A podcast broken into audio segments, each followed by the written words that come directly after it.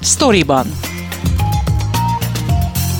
Ez a Szabad Európa podcastja, amelyben a honlapunkon megjelent cikkek hátteréről, kulisszatitkairól beszélgetek a szerzőkkel. Mivel kollégákról van szó, kérem nézzék el nekem, hogy tegeződni fogunk. Én Fazekas Pálma vagyok, tartsanak velem és munkatársaimmal. Ezúttal Videman Tamással beszélgetek, aki a véradás magyarországi helyzetét térképezte fel. Véradó vagy? Hát nem mondanám azt, hogy rendszeres véradó vagyok, de életemben olyan 6-7-szer adtam már vért. Igazából egy ismerősöm osztott meg a Facebookon egy bejegyzést, ahol arra hívta fel a figyelmet, hogy nincs elég vér, és szüksége lenne a gyógykezeléséhez vérre, és akkor eldöntöttem, hogy úgyis, hát régen azért adtam vért elég sokszor, ez a 6-7 alkalom, akkor elmegyek és, és adok neki vért ez úgy néz ki, hogy ez az úgynevezett irányított véradás, amikor valakinek személyesen adunk vért, és az ismerős sajnos daganatos betegségben szenvedett, és azért, hogy egy kísérleti gyógyszert alkalmazni tudjanak rajta, fel kellett javítani a vérképét. Azt írod az első cikkben, hogy negyedével kevesebben mentek el vért adni tavaly a járvány miatt, ez a cikkednek is a címe. Szerinted mi lehet ennek az oka? Csak a járvány az oka, vagy amúgy is csökken a véradások száma? Lekértem az elmúlt 20 év adatait, és ott folyamatosan azt látjuk, hogy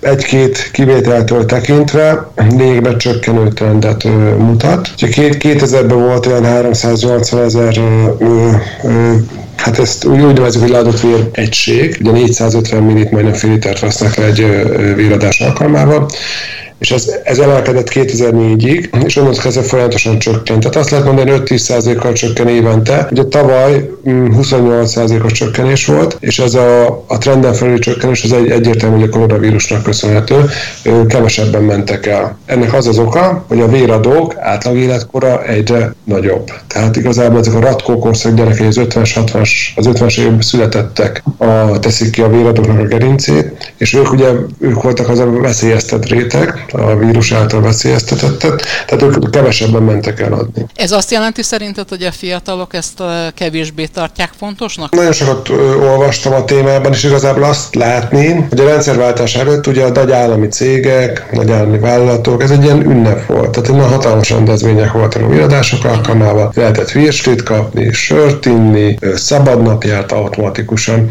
és e- ezek megszűntek igazából. Ma, ha valaki vért ad, akkor kap egy 500 forintos kupon, kupont, amit be tud váltani valamelyik boltba. Mondjuk előtte, előtte sem ezért csinálták, tehát senki sem csinálja a pénzért, vagy a sörért, vagy a virskért, csak régen ennek volt egy hangulata, tehát volt egy közösség ö, teremtő ereje, és most ez elhalt. Ugye nincsenek nagy cégek, hát vannak nagy cégek, de ezek nagy állami cégek ugye így megszűntek, és a, és a szabad nap sem jár automatikusan. Vannak olyan vállalatok, vállalkozások, akik ö, továbbra is önkéntesen megadják azt egy szabad napot a, a munkavállalóknak, de egyébként ez már nem kötelező, nincs benne jogszabályban. És a fiatalok ugye mm, valamilyen nem járnak véradásra, viszont 2010, 2004 óta van ez a lehetőség, hogy irányítottan is valakinek föl lehet ajánlani a vérét, és 2017 óta vezetnek erről statisztikát, és az egyértelműen emelkedik. Tehát 19 ezerről fölment négy év alatt 26 ezerre. És azt gondolom, hogy ilyenkor kellene egy állami szervezetnek meghalani az idők szavát, és azt mondani, hogy ha a közösségi médiában ilyen ö, tartalékok rejtőzködnek, akkor csináljuk, hajrá! Arról is írsz, hogy éppen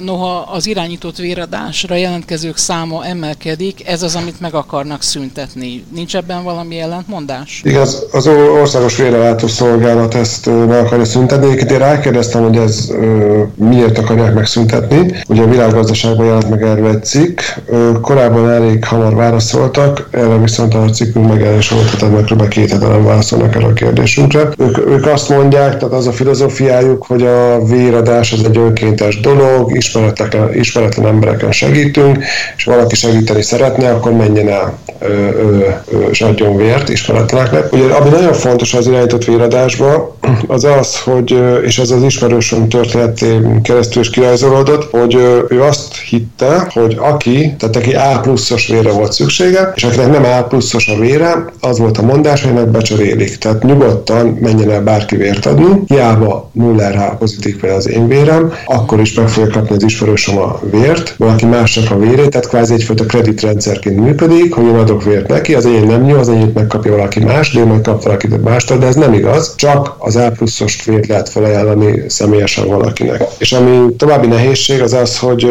hogy minden egyes alkalommal, tehát ez, ez nem lehet egy, nem lehet krediteket gyűjteni, nem lehet azt mondani, hogy száz alkalommal valaki elment, és akkor van száz kreditje, és következő egy-két évben ő nem kell toborozni embereket, hanem minden hónap el kell menni, mert van egy ilyen lejárata a vérnek, ami 21 nap. Itt ezt nem lehet 10, 14 napig lehet csak ezt az irányított véradással levet vért tartani, ugye? Igen, ezekről is elkérdeztem, mert nem értettem, mi a különbség, hogy nem ismerősnek veszik le a vért, vagy hogy ismerősnek veszik le a vért. Úgyhogy ezzel még mindig adósa az országos vérrelátó szolgálat. Akikkel beszéltem, az idősebb korosztályból, kicsit visszatér, visszakanyarodva azért, hogy miért nem olyan népszerű. Igen. Még azt mondták, hogy régen azért ez egy ilyen, tehát azt érezte az ember ügyfél. Bemegy és vért ad. Tehát rámosolyogtak, hálálkodtak. Tehát volt egy ilyen nagyon kellemes atmoszféra. És az Éreztették az emberrel, hogy segít, ugye? És így ez van, így van. És ez, már... és ez most eltűnt, és, és valaki például ezért hagyta abba a véradást. Szerinted hogyan lehetne jobbá tenni ezt a marketinget? A véradok csökkenő száma nem okozott drámai helyzetet, ez vélhetően azzal is összefügg, hogy a járvány alatt kevesebb műtétet hajtottak végre, és így kevesebb vére volt szükség. Na de hát azért mégiscsak előállhat egy kritikus pillanat, mondjuk, hogyha van egy tömegbaleset, egy nagyobb szerencsétlenség, amikor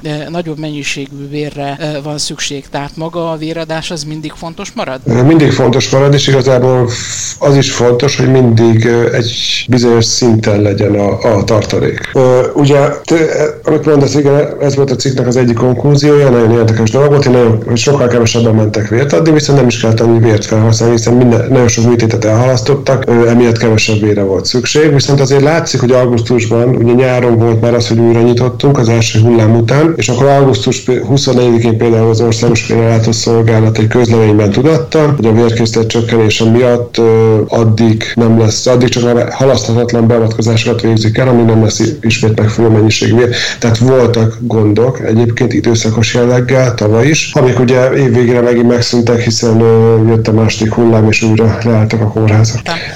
És a kérdésed még az volt, hogy hogyan lehetne motiválni az embereket. Igen. Szerintem a közösségi médiában rejlő lehetőséget mindenképpen ki kellene használni, és én azt gondolom, hogy egy kreditrendszer, tehát ezt az ismerősöm mondta, és, és nagyon egyet tudok vele érteni, hogyha kialakítanának egy kreditrendszert, tehát valaki tud mozgósítani nagyon sok embert, sokkal több vért leadnak az emberek, mint amire szüksége van, akkor neki legyen egyfajta kredite, következő időszakban ki tud venni vért, viszont 80-90%-ban lényegben másoknak is toborzott, másoknak is gyűjtött vért. Úgyhogy én nem megszüntetném az irányított véradást, hanem kiaknázzam a lehetőségeit. Reméljük, hogy aki elolvassa a cikkedet, az kedvet kap ahhoz, hogy újra vért adjon. Videman Tamással a Szabad Európa újságírójával a véradás magyarországi helyzetét bemutató cikkeiről beszélgettem. Köszönöm szépen! Én is köszönöm!